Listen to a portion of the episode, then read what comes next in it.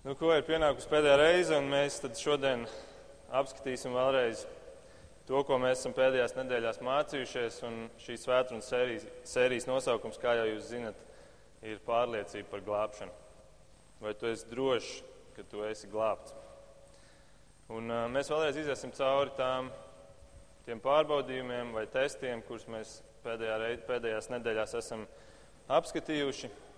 Un pēc tam es jums iedošu to pašu labāko ziņu, kādu jūs jebkad savā dzīvē varētu saņemt. Un beigās es jums vēl mēģināšu iedot vēl kādu um, veidu, kādu ieteikumu, lai apskatītu to, ko mēs šeit iegūstam, šo drošību, kā mēs to reāli varam pēc tam dzīvē izmantot. Bet pirms tam lūgsim Dievu. Mīļais Tēvs, paldies, Kungs, par visam šīm nedēļām. Paldies par šo dienu, arī kad mēs varam noslēgt šo sēriju. Kungs, un paldies par katru, kurš šodien ir šeit, jo tu to tā esi vēlējies, un viņiem ir jābūt šeit, kungs. Un tāpēc uzrunā mūs, un lai nevis es un mani vārdi ir tas, kas uzrunā kungs, bet tavs vārds. Āmen. Nu, ko atskatoties atpakaļ, ar ko mēs sākām? Kas bija tas, ar ko mēs sākām šo sēriju, un kas ir tas, ar ko sākās jebkura kristiešu dzīve. Tas ir atgriešanās brīdis. Tas ir tas apzinātais jā Kristum. Un tas bija pirmais jautājums, ko Girts arī pašā sākumā uzdeva, vai tev tāds ir bijis dzīvē. Bet ko vispār nozīmē atgriešanās? Tas vārds pats par sevi pasaka, ka tu kaut kāda notiek kustība, tu pagriezies prom no kaut kā un tu pagriezies pret kaut ko citu. Tad patiesībā tās ir radikālas izmaiņas. Un tas ir ne tikai pamainīt virzienu, bet tas ir pilnībā pagriezties prom uz pretējo pusi. Un tik radikālas izmaiņas mums nevienam nav pa spēkam, pašu spēkos. Un kā jau arī mums um, Golgāts draugi šodien liecībā pieminēja, ka mēs pat, cik bieži mēs apņemamies kaut ko, lai tikai pēc tam atklāt to skarbo patiesību, ka mēs nespējam to piepildīt. Ne? Un, tās ir varbūt tikai dzīves sīkumi, kur mēs esam mēģinājuši kaut ko apņemties, bet tas daudz vairāk spēkā ir par mūsu glābšanu, par mūsu spēju apņemties, atgriezties pie Dieva. Mēs to nespējam. Un tad rodas jautājums, kādēļ tā ir? Kādēļ cilvēks nespēja to izdarīt pats? Tādēļ, ka kritušais cilvēks ir kāds, ko māca Bībele. Bībele saka, ka kritušais cilvēks ir miris. Un šodien um, mums būs raksturvietas, mēs diezgan daudz apskatīsim, tāpēc um, es palūdzu uzlikt arī uz ekrāna. Jūs varat šķirstīt līdzi, jūs varat viņus pierakstīt, varbūt pat labāk, bet lai mēs nekavētu laiku meklējot uh, īstās vietas, tad uh, būs uz ekrāna redzams.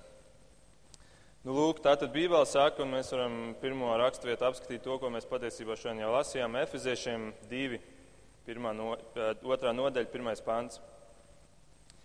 Arī jūs bijāt miruši savos pārkāpumos un grēkos, kuros reiz dzīvojāt, pakļauti šīs pasaules varas nesējam, gaisa valsts valdniekam, garam, kas vēl tagad darbojas nepaklausības bērnos. Un tālāk, 4. pantā, Bet Dievs bagāts būdams žēlastībā savā lielajā mīlestībā, ar ko Viņš mūs ir mīlējis, arī mūs, kas savos pārkāpumos bijām miruši, darīs dzīvus līdz ar Kristu. Žēlastībā jūs esat glābti. Un 8. pantā, jo no žēlastības jūs esat pestīti ticībā, un tas nav no jums. Tā ir Dieva dāvana. Ne ar darbiem, lai neviens nelielītos. Mirušam cilvēkam nav darbu, vai ne? Viņš ir miris. Viņš nav spējīgs, viņš nevar izdarīt pilnīgi neko, lai tiktu izglābts. Un uh, miris cilvēks nevar apņemties atgriezties. Kādēļ? Tādēļ, ka miris cilvēks ir akls. Viņam Kristus vēsts ir muļķība. Pāvils par to runā 1. korintiešiem 1, 18. pantā. Viņš saka, vēstījums par krustu ir muļķība tiem, kas iet pazušanā.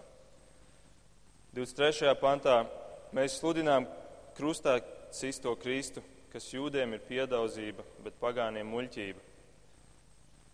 Un otrajā pantā, otrajā nodaļā, es atvainojos, 14. pantā viņš pasaka, kāpēc tā ir muļķība. Miesiskais cilvēks nespēja uzņemt to, kas nāk no dieva gara, jo tas viņam ir muļķība. Viņš nevar to saprast, jo tas ir izdibināms garīgi. Un šis mirušais cilvēks, viņš ir miesas gabals, viņš ir beigts. Viņš nekustās, viņā nav gara, viņš ir tikai miesa, viņš ir akls, viņš ir paralizēts, viņš ir nejūtīgs. Viņš guļ, ja mēs tā varam pateikt, skarbi sapūs un smirdīgs savā grēku peļķē. Jo viņš ir līķis. Un līķis nespēja izdarīt izvēli. Es tagad atgriezīšos, es tagad kļūšu dzīves. Viņš to nespēja. Un tā tad, ja cilvēks ir miris un viņš pats to nevar izdarīt, un tomēr mēs redzam, un mēs lasām Bībelē, un mēs redzam mūsu dzīvēs un mūsu ikdienā, kad cilvēki atgriežas, cilvēki atgriežas dzīvībā, atdzimst, notiek šis brīnums. Tad uh, jautājums ir, ja viņš pats to nevar izdarīt, kurš to izdara? Un loģisks secinājums ir kāds no ārpuses, tāpat kā reanimācijā. Kad uh, cilvēks mirst vai pat ir jau nomiris, tad ierodas glābēji un uh, iedod elektrošoku sirdī, uh, dod reanimāciju. Un tāpat ir ar garīgo glābšanu. To izdara glābējs, to izdara glābējs kāds no malas, nevis pats līķis. Un kā jau mēs zinām, šis glābējs ir Kristus. Viņš atdzīvina mūs un, un ne tikai kā reanimācijā, kad atnāk glābējs un atdzīvina to pašu veco cilvēku, bet viņš izdara kaut ko daudz vairāk un kaut ko daudz spēcīgāku. Viņš ļauj veciem cilvēkam nomirt un piedzemdē jaunu.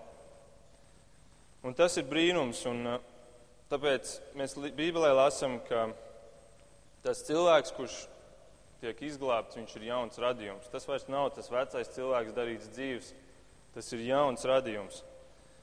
Un, ja mēs pašķiram vienu grāmatu tālāk, 2. korintiešiem 5, 17. Tādēļ tas, kas ir Kristū, ir jauns radījums. Un klausieties tālāk. Viss vecais ir pagājis. Un redzi, viss tapis jauns.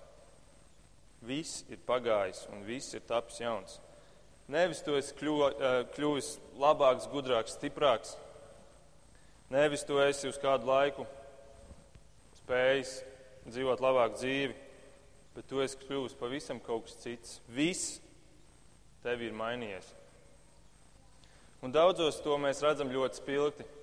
Jo tie, kas ir daudz grēkojuši, daudz mīl, un viņos mēs redzam tādu cilvēku, kuri dzīvojuši briesmīgu dzīvi, un kurus Dievs atdzemdē un padara jaunu, mēs redzam tik lielu kontrastu.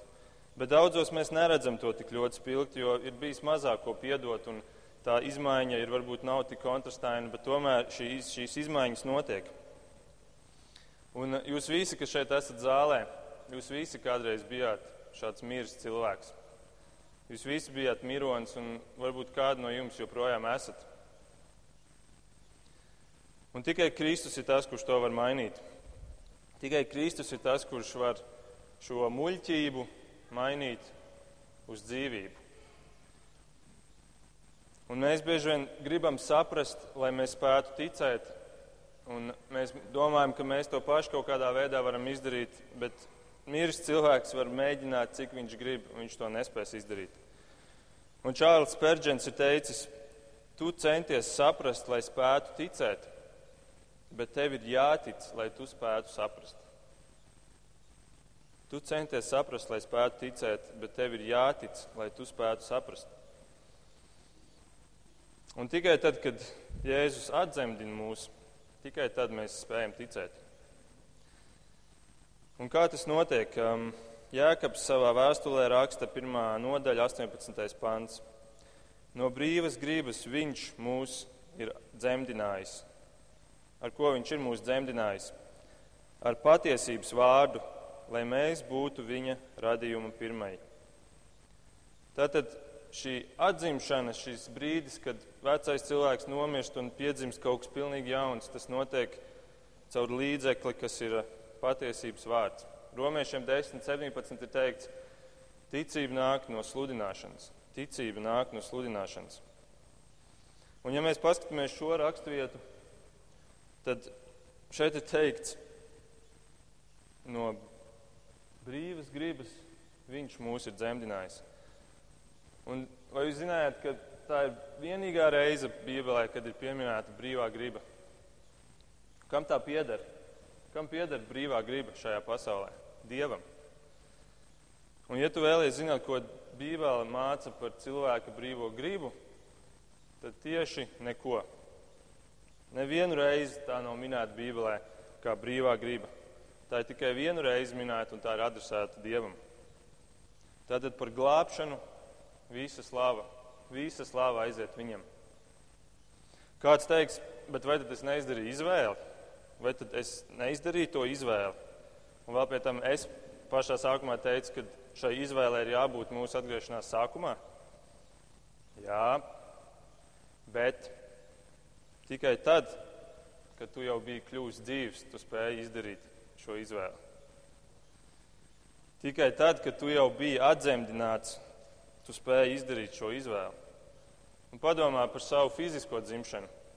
Vai tu varēji saviem vecākiem kaut kādā veidā ietekmēt to, lai tu tiktu piedzemdināts. To varēja viņiem pateikt. Vecāki, es pēc deviņiem mēnešiem gribu dzimt. Tagad dariet, kas ir jādara. Pēc deviņiem mēnešiem es izdaru šo izvēli. Nē, vai ne? Kāds cits tavā vietā ir izdarījis izvēli, un tu piedzimst, un tad tu tikai redzi, kas te vispār notiek. Un tāpat ir ar tavu garīgo piedzimšanu. Tu mirušais cilvēks spēj ticēt tikai tad, kad tevī ienāca dzīvība, kad sāk pukstēt tavs sirds.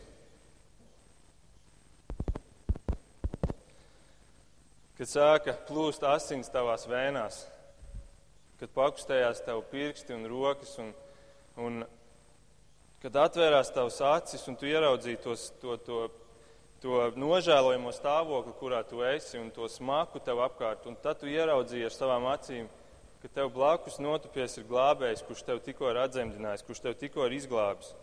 Un kas tad tev cits vēl atlika, tad, kā pateikt, jā, tu man esi devis dzīvību, es gribu būt tavs. Tā bija tava izvēle. Tik daudz tu varēji izvēlēties. Un, protams, tāds cilvēks, kurš ir bijis šādā situācijā, viņam Jēzus būs kungs uz visu dzīvi. Viņam Jēzus būs kungs, un viņš ies un darīs, un to, ko viņš darīs, viņš darīs pateicībā viņam. Un, ja tev nav šīs attieksmes, ka Jēzus ir tavs kungs, tad tu iespējams nekad neesi sapratis, kas tur reiz bija un kas tu esi darīts tagad. Un es vēlos šo visu jums ievadu dot tādēļ, lai es vēlos saprast, kāda notiek jaunpiedzimšana, kas ir tas darbs, kas ir noticis jūsos. Tā ir atgriešanās, un tā ir tieši tik radikāla. Nu, lūk, un šajā komplektā ar šo atgriešanos Dievs mums dod spējas. Tādas spējas, kādas nav kritušam cilvēkam. Un tās ir tās lietas, par kurām mēs esam runājuši šajās pēdējās nedēļās. Tās ir tās spējas, kuras, caur kurām mēs spējam nest tos augļus, par kuriem Jānis runā 1. Jāņa vēstulē. Ja tu neesi piedzimis no jauna, tu neesi saņēmis šīs spējas un tu nespēsi nest tos augļus. Jēzus saka, jūs nesīsiet šos augļus, un katrs koks, kas nenes labus augļus, tiek nocirsts un iemests ugunī. Bet vēl viņš saka, ka labs koks nemaz nevar nest sliktus augļus. Nedz nelāks koks labus. Kādēļ? Tādēļ, ka tie apliecina to, kas ir iepriekš noticis, vai arī kas nav noticis. Augļi nav pašmērķis, augļi nav tas, uz ko mēs tiecamies, lai mēs kaut ko ar to panāktu. Augļi ir sekas tam, kas jau ir noticis mums pagātnē. Tātad nevis tev jānes augļi, lai tu tiktu glābts, bet tādēļ, ka tu esi glābts, tu spēj nest augļus, un tu nemaz nevari ne, nenest viņus, kā Jēzus saka. Tu nemaz nespēji. Slikts koks nespēja nest labus augļus. Un, protams, diskusijas vienmēr ir, kas tad ir tie augļi. Vai tad mēs neredzam sliktos cilvēkos arī labas lietas, labus darbus, un tieši pretēji varbūt kristiešos sliktus augļus dažreiz. Jā, protams, bet jāsaprot, kas tad ir augļi. Augļi vienmēr iet kopā roku rokā ar laiku. Ja jūs dārzā iestādat ābeli, viņa neizlaiž pēc piecām minūtēm pops ārā. Mums ir jāgaida. Paiet laiks, un laiks parāda, vai augļi nāk vai nenāk. Un tāpēc runa te nav par pilnību. Runa nav par to, ka cilvēks, kurš ir piedzimis kā jauns radījums, ka viņš nekad vairs negrēkos, viņš būs perfekts un pilnīgs. Un ir bijuši, bijuši teorijas, kuras to ir izvirzījušas, ka tam tā būtu jābūt, vai tā nevajadzētu būt. Nē, runa nav par pilnību, jo mēs joprojām dzīvojam kritušajā pasaulē. Mēs dzīvojam savā miesā, kura ir kā magnēts visam tam, par ko mēs pagājuši, aizpagājušajā nedēļā mācījāmies. Viss tas, kas pasaulē ir, un, un mūsu miesā mēs nekad nebūsim pilnīgi. Bet runa ir par virzienu. Runa nav par pilnību, runa ir par virzienu. Un, ja tu esi glābts, tad tavā dzīvē laiks parādīs šo virzienu, un viņš būs skaidri redzams. Un tu, var, tu joprojām grēkosi, tu kritīsi, bet tu celsies augšā, un laiks parādīs, ka tu um, centies atgriezties, un tāpēc tas grēks arī ies mazumā tavā dzīvē. Un uh, tiem tām lietām, kuras mēs pagājušajā reizē, pagājušajās reizēs esam izrunājuši un kuras arī mēs uzliksim tuliņu uz ekrāna, piecas, piecas lietas, pieci āķīši, ja tā var teikt, ja mēs varam piekarināt savus domas uz šīm pieciem āķīšiem. Viņiem visiem ir jābūt tavā dzīvē. Nav tā, ka ir, teiksim, nu, trīs no pieciem vajadzētu būt, tad galvenais ir vairākums, un ja, viņ, ja ir vairākums, tad, tad tu vari pateikt, ka tu esi glābts. Tā nav. Tev ir jābūt visām šīm lietām. Protams, ar dažām tev ies grūtāk, ar dažām tev ies vieglāk. Mēs katrs esam citādāks. Bet viņām visam ir jābūt redzamām tavā dzīvē, un laikam ir jābūt tam, kurš pierāda to. Un tad nu iziesim caur tām piecām lietām. Pirmais ir attieksme pret grēku. Attieksme pret grēku. Pirmkārt, Jānis runā savā vēstulē, viņš ar to sāk, ka tev ir jāatzīst, ka tu esi tiešām grēcinieks. Tev tas ir jāatzīst. Ja tu to neatzīsti, tu padari Dievu par meli. Un tev ir jāatzīst, ka tu esi dzimis un dzīvojis un uh, vispār arī ikdienā ej un grēko. Un, un, ja tu to nedari, tas ir jau pirmais eksāmena tests, kuram tu izkrīt cauri, ja tu to nespēji atzīt. Bet ja tu esi to atzinis, tad tavā dzīvē ir jābūt grēku nožēlai. Un par to atkal Jānis runā, ka tie, kuri ir Dieva bērni, viens no apliecinājumiem ir, ka viņi nožēlos grēkus. Tas nozīmē, ka nevis tu vienreiz nožēlo un pēc tam tu pasaki, ka es dzīvoju bez grēku un man nav vairs jānožēlo, bet tieši nožēla būs tas, kas apliecinās to, ka tu esi jauns radījums. Tu ienīdīsi grēku. Tu ienīdīsi grēku. Un, un tā kā ģirds tev, es atceros tieši to teikumu, kā viņš teica, kad, kad um, tu jutīsies kā ne savā ādā. Grēks ir tas, kas tev, kas tev pateiks, ka um, es tā nevaru dzīvot. Un tas būs tas, kas tev liks visu laiku nožēlot un piecelties atkal. Un trešais ir, uh, viņ, tu nepraktizēsi grēku.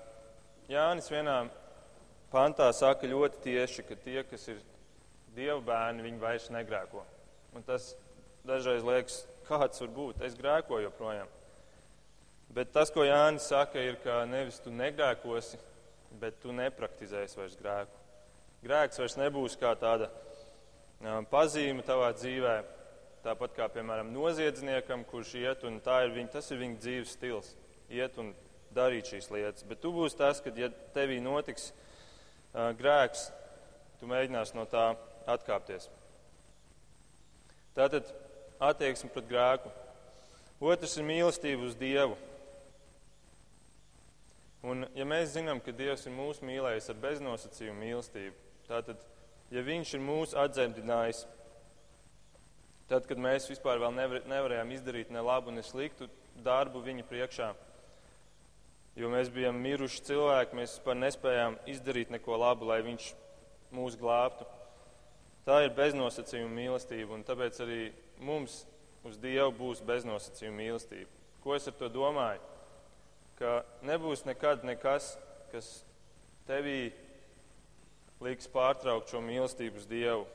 Vienalga, vai tas būtu, vai tas būtu vajāšanas, vai tā būtu nabadzība, kurš dēļ tu pēkšņi pasaki, nē, Dievam taču man ir uh, jādod, jādod bagātība vai, vai jāuztur man tā, kad, kad es neesmu nabadzībā. Nē, nekas, un tas ir ļoti labs piemērs, ir ieps.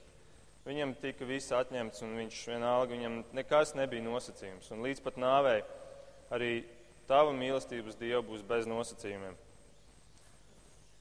Mīlestības Dievu izpaužās vēl tajā, kad tu saproti, ka Viņš tev ir visu piedevis. Un tas, ko Viņš tev ir piedevis, to nekad neviens nevarētu izdarīt pret tevi. Neviens tik daudz grēku, ko tu esi darījis pret Dievu, nevar izdarīt pret tevi. Un tāpēc, ja Viņš tev to visu ir piedevis, tad tu spēsi visiem cilvēkiem piedot.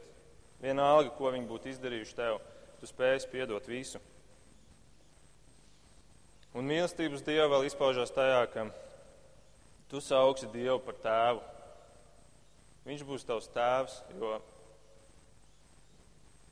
Pāvils runā, ka mēs esam saņēmuši dievbijības garu. Mēs sākam viņu saukt par abu tēvs. Un Jēzus, es arī to toreiz minēju, Jēzus visās savās reizēs, kad viņš uzrunā Dievu, viņš viņu vienmēr sauc par tēvu. Viņš nekad nepasaka Dievs, izņemot tad, kad viņš ir pie krusta un kad Dievs viņu ir atstājis. Tad viņš vienīgo reizi saka Dievs, Dievs. Vienmēr viņam viņš ir tēvs, un patiesībā tikai kristietībā Dievs tiek saukts par tēvu.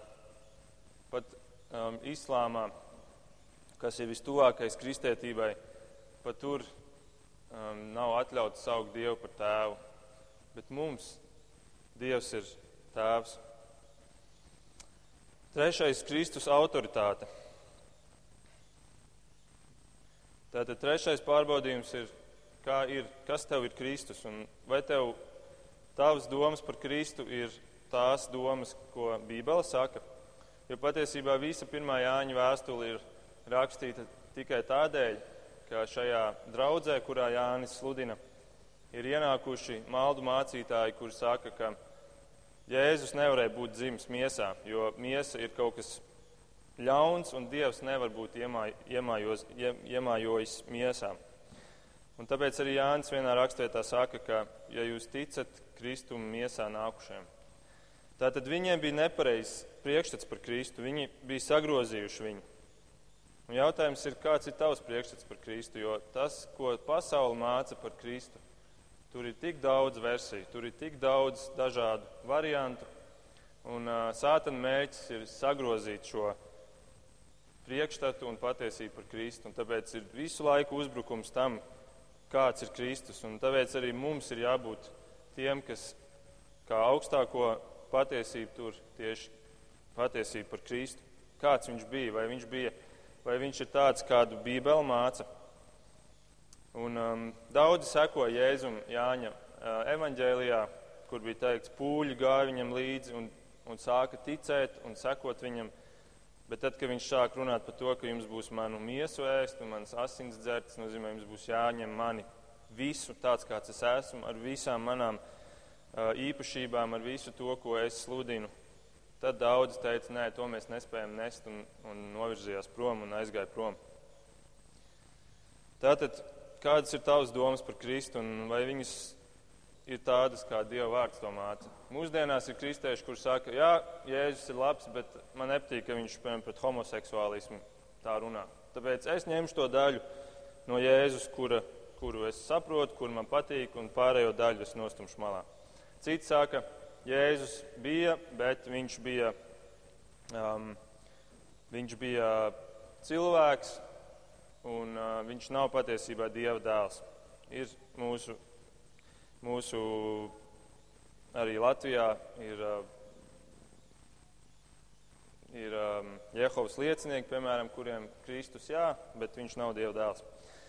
Nu, lūk, un Jānis sāk savu evaņģēliju ar vārdiem, ka vārds bija pie Dieva, un vārds bija Dievs, un vēlāk viņš saka, vārds tāpa miesa.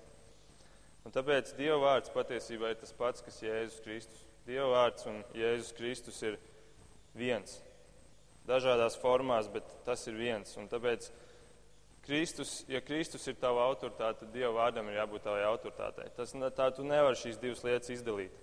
Dieva vārdam ir jābūt tavai autoritātei, tavā dzīvē. Un pat ja tev tas ir neizdevīgi, pat ja tev ir lietas, kuras tu ne, nevari pieņemt Dieva vārdā, tam ir jābūt tavai autoritātei tavā dzīvē, jo tas ir tas pats, kas ir Kristus. Šis ir rakstītais vārds. Kristus bija dzīvais vārds, kurš bija nācis šeit. Un, uh, patiesībā visa vecā derība ir, ir simbols Kristum. Tas viss, kas tur notiek, tas viss ir par Kristu. Tā, nu lūk, tad ceturtā lieta mums bija mīlestība uz brāļiem. Mīlestība uz brāļiem. Un mēs varētu, protams, teikt mīlestību uz pasauli, mīlestību uz saviem tuvākajiem, uz visiem. Tas ir skaidrs un tam ir jābūt, bet šeit tests ir tieši par to, ka tā ir jābūt mīlestībai uz brāļiem. Jo tas cilvēks, kurš nav kristietis, viņam kristieši liekas dīvaini, Viņi smējās par kristiešiem, viņi nesaprot kristiešus. Kristieši ir kaut kas otrā pusē, pretējā komandā.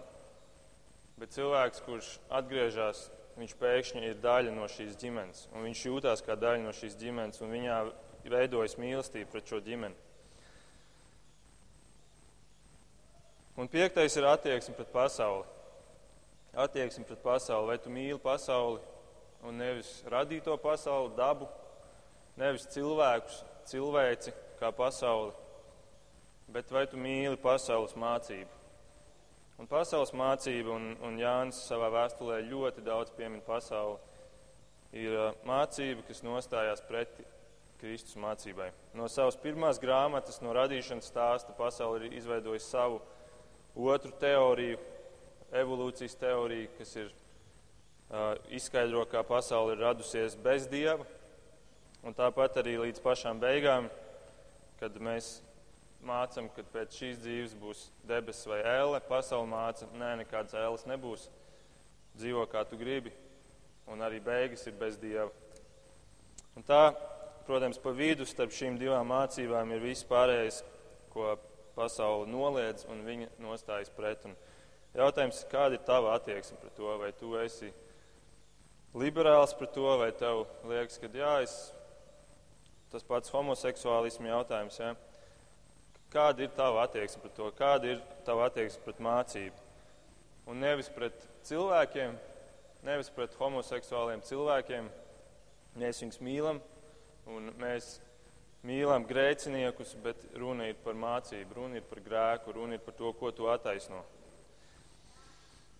Nu, lūk, un šīm visām zīmēm, šīm visām, šiem visiem augļiem ir jābūt tavā dzīvēm.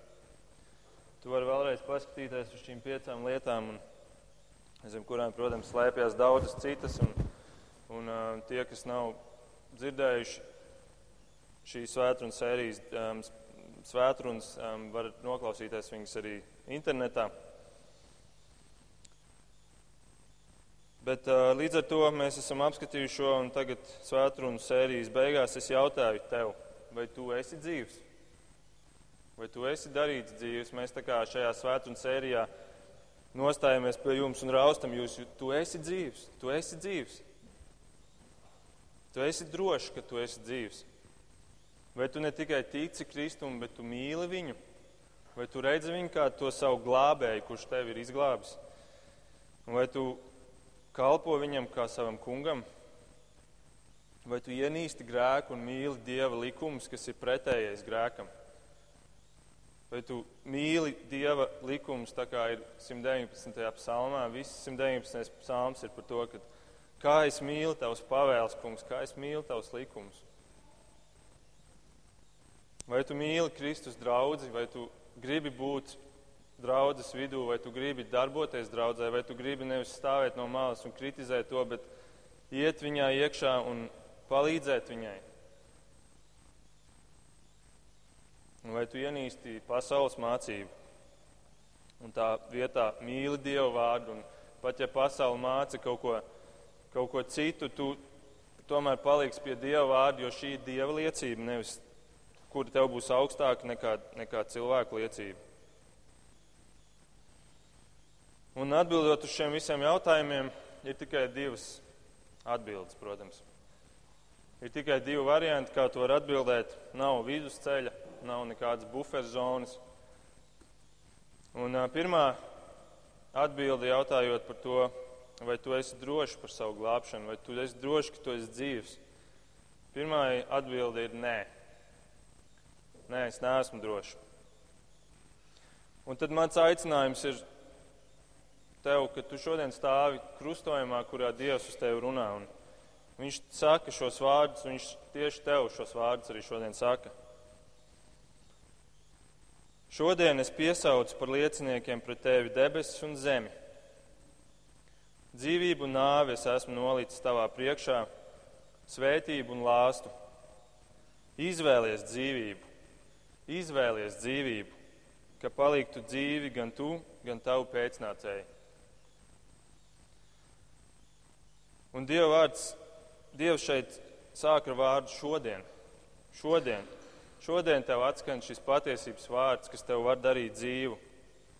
Un tas, vai tu atsauksies uz viņu, būs atbilde tam, vai Kristus tev ir darījis dzīvu. Un Dieva vārds māca, ka Dievs ir tas, kas uzņemas atbildību par tavu glābšanu. Viņš ir vienīgais, kurš to ir izdarījis, tu neesi pielicis ne nieka klāt pie tās. Bet tajā pašā laikā Dievs māca, ka tas cilvēks, kurš pasaka nē, tā ir viņa atbildība. Un viņa grēks būs tas, kas aizvedīs viņu pazušanā. Un kā šīs divas lietas savienot, kā mūsu prātā viņas saslēgt kopā, tas ir, mēs to nespējam. Bet Dieva vārds māca abas šīs lietas, un viņa prāts ir augstāks par mūsu prātu. Un tāpēc mēs uzticamies viņam. Bet, bet ja tevi gars, Dieva gars uzrunā šodien, tad atsaucies viņam. Jo rītdiena ir vēlna diena, bet šodiena ir dieva diena. Tā teica Bīskaps Rails. Bet, ja tava atbild uz šo jautājumu, vai tu esi drošs par savu glābšanu, ir jā, es esmu drošs. Un es redzu šīs lietas manā dzīvē, un es gribu kalpot savam kungam, kurš man ir izglābis. Un nevis tādēļ, lai es viņā panāktu un iegūtu kaut kādu labvēlību, lai viņš mani glābtu, bet tādēļ, ka viņš mani jau ir izglābis, es to darīšu pateicībā uz viņu. Tad uh, slava Dievam par to, un, un uh, tad Jāņa mērķis, kādēļ viņš rakstīja šo vēstuli, ir piepildīts, jo Jānis rakstīja, to es jums rakstu kas ticat Dieva dēla vārdam, lai jūs zinātu, ka jums ir mūžīgā dzīvība. Un šī ir tik laba ziņa, ka tu vari būt drošs par to. Bet ir vēl viena labāka ziņa par to. Un ja mēs saprotam to, ko es stāstīju no sākuma, ka Dievs ir tas, kurš tevi ir atzemdinājis, Viņš ir tas, kurš to ir izdarījis, tad mēs arī sapratīsim šo nākamo raksturvietu, un tā aizvedīs mūs pie tās vislabākās ziņas, kādu es jums varētu jebkad iedot. Un tas ir patiesībā turpinājums tam, ko Girts pagājušajā nedēļā runāja, bet viņš, mēs paņemam šo domu un pabeigsim šo domu. Un tas ir romiešiem 8.28. Un mēs zinām, ka tiem, kas Dievu mīl un kas pēc viņa iepriekšējā nodoma ir aicināti, viss nāk par labu. Ievērojiet, cik lietas mums nāk par labu tiem, kas Dievu mīl. Viss nāk par labu. Nevis dažas, lielākā daļa, bet viss. Bet padomājiet, ko tas nozīmē. Kad viss tavā dzīvē nāk par labu. Ļausim Pāvēlam atbildēt nākamajos divos pantos. Tos, par kuriem Dievs jau iepriekš ir lēmis, tātad piedzemdēt viņus, izglābt viņus. Tos viņš arī noteica izveidot līdzīgus sava dēla tēlam, lai viņš būtu pirmdzimtais daudz brāļu vidū. Un tagad klausieties un ievērojiet to ķēdi, kas sekos, par kuriem viņš jau iepriekš ir noteicis, vecajā tulkojumā teikts, nolēms atpestīt. Tātad, kurus viņš jau iepriekš ir nolēmis atpestīt, tos viņš arī aicina. un kurus aicina, tos arī attaisno, un kurus attaisno, tos arī pagodina. Cik no tiem, kuri uzsāk šo ķēdi, to arī pabeidz? Cik no tiem, kurus Dievs ir nolēmis pestīt, glābt, cik no viņiem pabeidz? Mēs redzam trīs reizes, kurus tos, kurus viņš izvēlās, tos viņš arī aicina, kurus viņš aicina, tos viņš attaisno, un kurus attaisno, tos arī pagodina. Šajā ķēdē neviens cilvēks pa vidu neizkrīt cauri. Tie, kas uzsāk šo ķēdi, viņi visi arī pabeidz.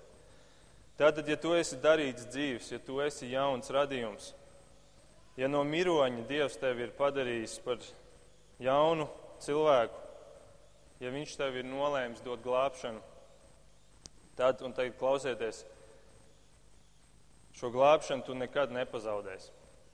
Šo glābšanu tu nekad nepazaudēsi. Un šī ir labākā ziņa, ko es tev varu dot, jo šī ziņa ir labāka pat nekā par glābšanas saņemšanu. Jo kāda jēga ir saņemt glābšanu, kur tu vari pazaudēt? Dievs tev dod tādu glābšanu, kuru tu nekad nepazaudēsi. Un ja mēs pārfrāzējam šo pāntu, tad um, uz tevi, tad tur ir teikts tā, ja viņš tevi nolēmis izglābt, tad viņš tevi ir arī aicinājis. Un ja viņš tevi ir aicinājis, tad viņš tevi ir arī taisnojis. Un ja viņš tevi ir taisnojis, tad viņš tevi ir arī pagodinājis, padarot par Dievu bērnu. Ja tu esi uzsācis šo ķēdi, tad tu arī viņu pabeigsi.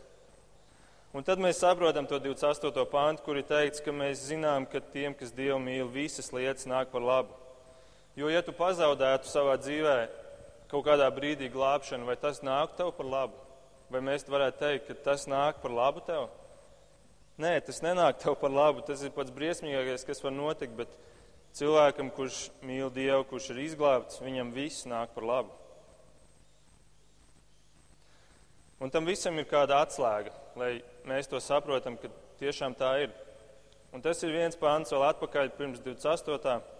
27. pāns. Un tas, kas izpēta sirdis, zina, ka garam, kas garam ir padomā tādēļ, ka gars pēc dieva prāta iestājas par svētajiem. Svētais gars ienāca tevī tad, kad tu tiki glābts, un arī tagad viņš iestājas par tevi. Un šeit ir mums ir jāsaprot tā lielā atšķirība starp veco derību un jauno derību.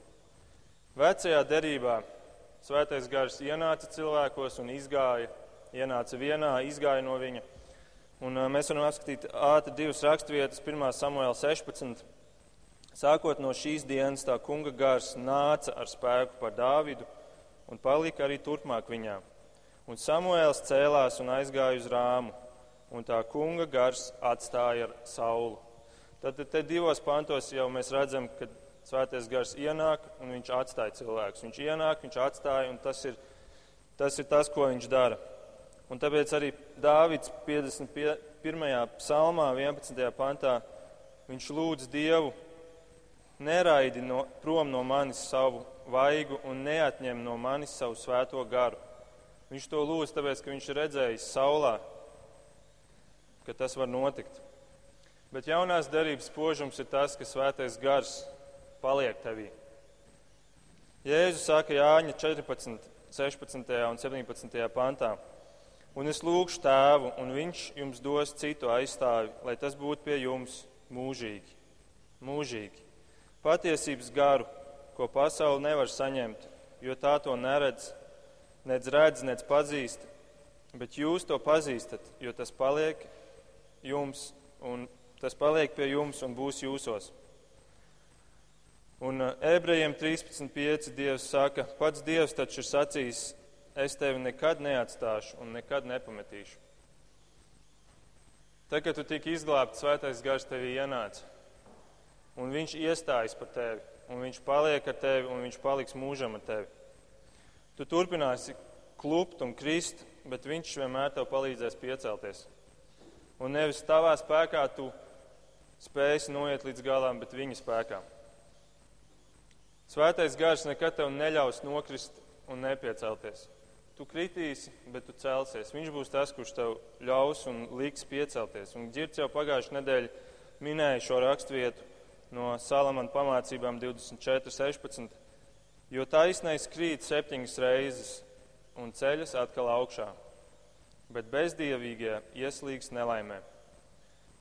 Un 37. psalmā, 23. pantā ir teikts, tas kungs dara drošus vīru soļus, un viņam ir prieks par viņu ceļu. Kad viņš klūp, tas tomēr nenokrīt pilnīgi zemē, jo tas kungs tur viņa roku.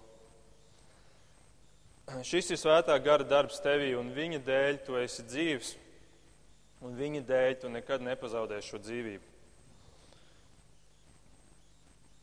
Un Girts jau par to minēja, ka atgriešanās un palikšana Kristū tās ir divas neatdalāmas lietas. Par to runāja Pāvils un Jānis un Girts. Un, uh, bet Jēzus pats to pasaka ļoti skaidri. Jāņa 6.35 viņš saka, es esmu dzīvības maize, kas nāk pie manis, tam nesalks, un kas man tic, tam neslāps. Un viņš varēja pabeigt šeit tam neslāps, bet viņš pieliek vārdu nemūžam. Nemūžam tev vairs neslāps. Tā tad nevis tev kādu laiku neslāps, tad atkal slāps, tad atkal neslāps, tad atkal slāps, bet tev nemūžam, nemūžam vairs neslāps. Nepienāks tā diena, kad tev atkal sāk slāpt. Un trīs pāns tālāk viņš saka, jo es neesmu no debesīm nācis, lai darītu savu gribu, bet tā gribu, kas man ir sūtījis.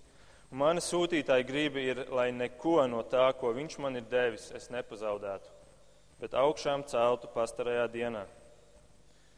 Un četras nodaļas tālāk viņš saka, manas avis klausās manā balsī. Jāņa 10, Jāņa 10 27. Manas avis klausās manā balsī, es tās pazīstu un viņas man seko. Es tām dodu mūžīgo dzīvību, viņas nemūžam neies bojā, un neviens tās neizraus no manas rokas. Mans tēvs, kas man tās devis, ir pār visiem lielāks, un neviens tās nevar izraut no mana tēva rokas. Un te mēs atkal redzam, nemūžam. Un Dievam viss ir mūžam vai nemūžam. Mūžam vai nemūžam. Kādēļ? Tādēļ, ka Dievs nav saistīts laikā.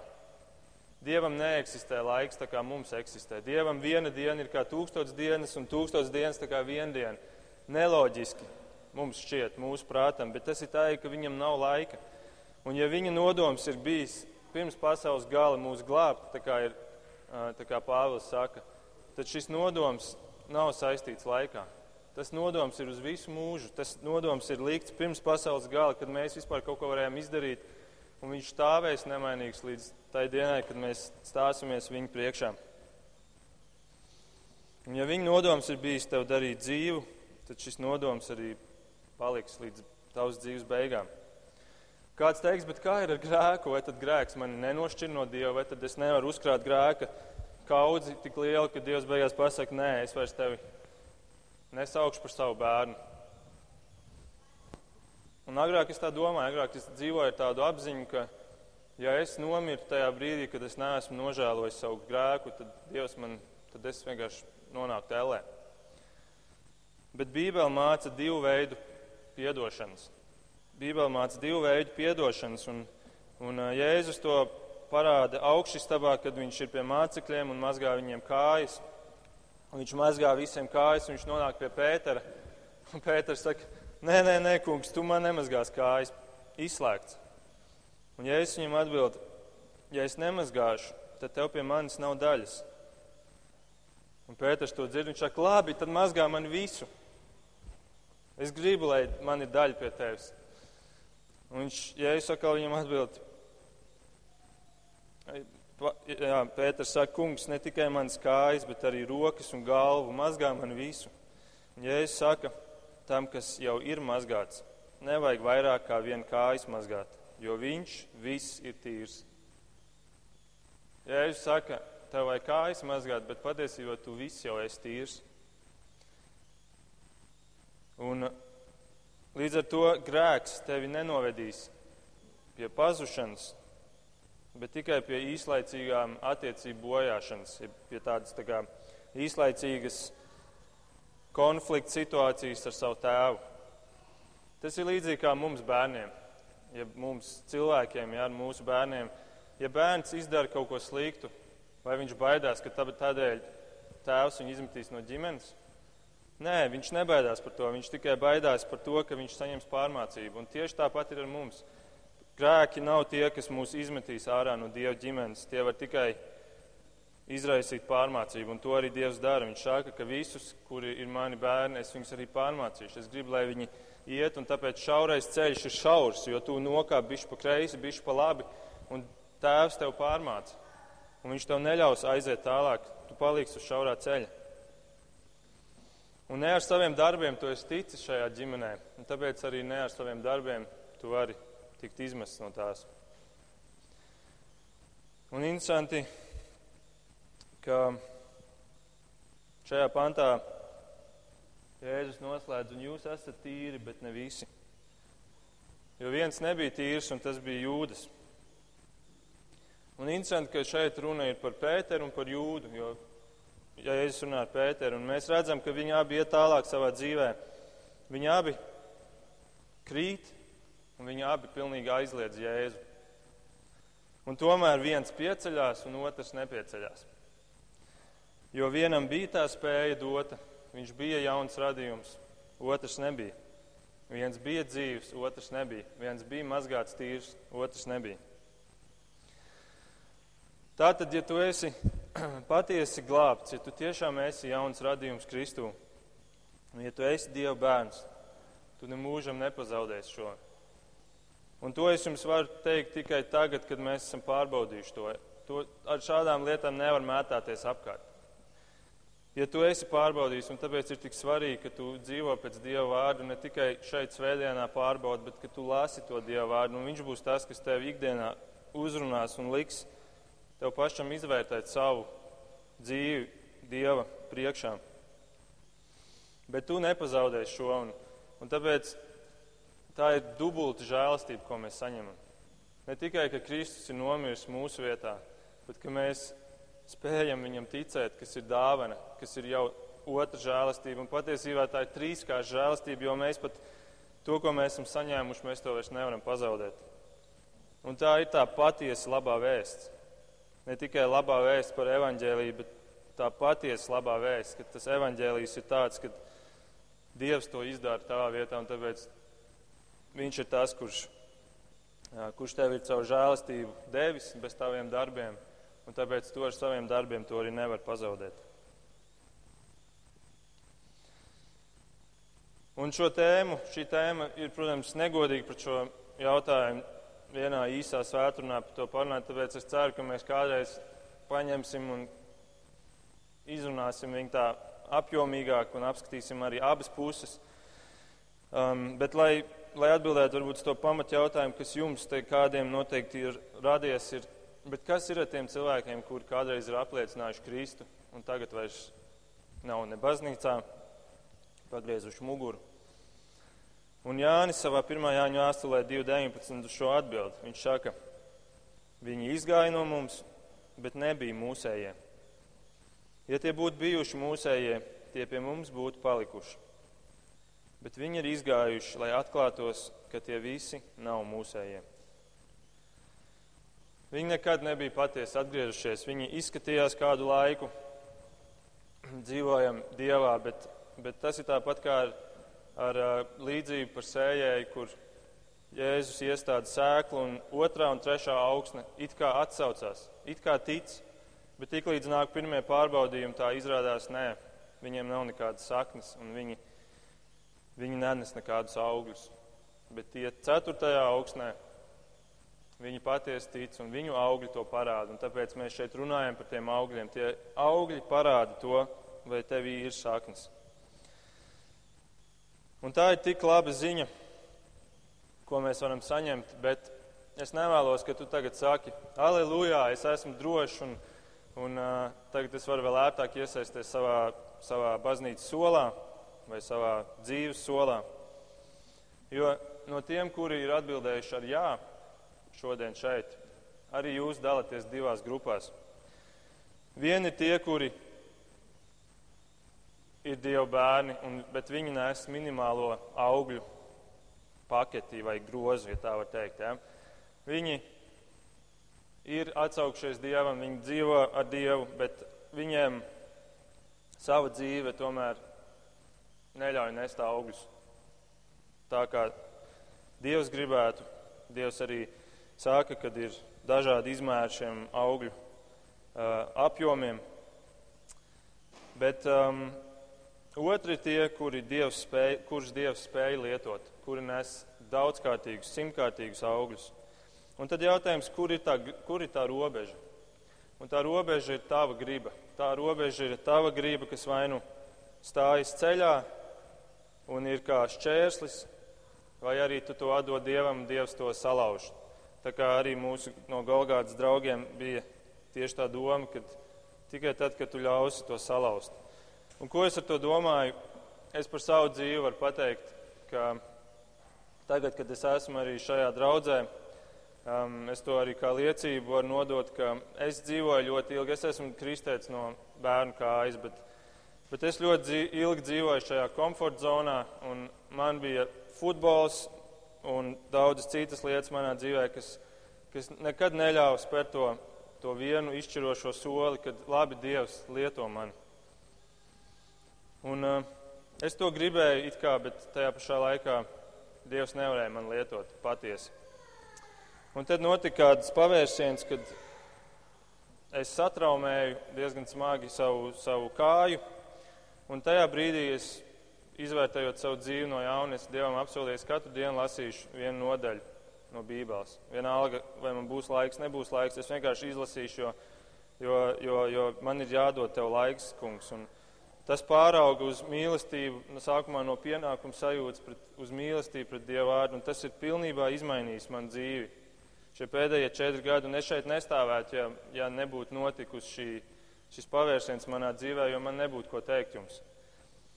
Un, eh, ja man būtu jaut, ja kāds man jautātu, vai es būtu gatavs atgriezties piecus gadus atpakaļ un vēlreiz to piedzīvot, jā, jā Dievs dara to vēlreiz. Un, un varbūt tas ir kaut kas nepatīkams, bet tajā pašā laikā tu mani esi salauzis. Un, bet tikai šovasar es sapratu, ko tas patiesībā nozīmē. Jo es lasīju vienu grāmatu par Ugandas kristiešiem, un tur bija kāds profesors, kurš ir izstudējis rietumos un atgriezies Ugandā, lai mācītu Ugandas lielākajā universitātē ka Dievs viņu aicina, ej, un tu redz, cik, cik daudz bērni ir uz ielas un, un uh, dzīvo nabadzībā. Un viņš izveidoja tādu kā bērnu namu, bet viņam visu laiku bija iekšā šī sajūta, bet es taču esmu profesors, ko es darīšu tagad bērnu namu vadīšu.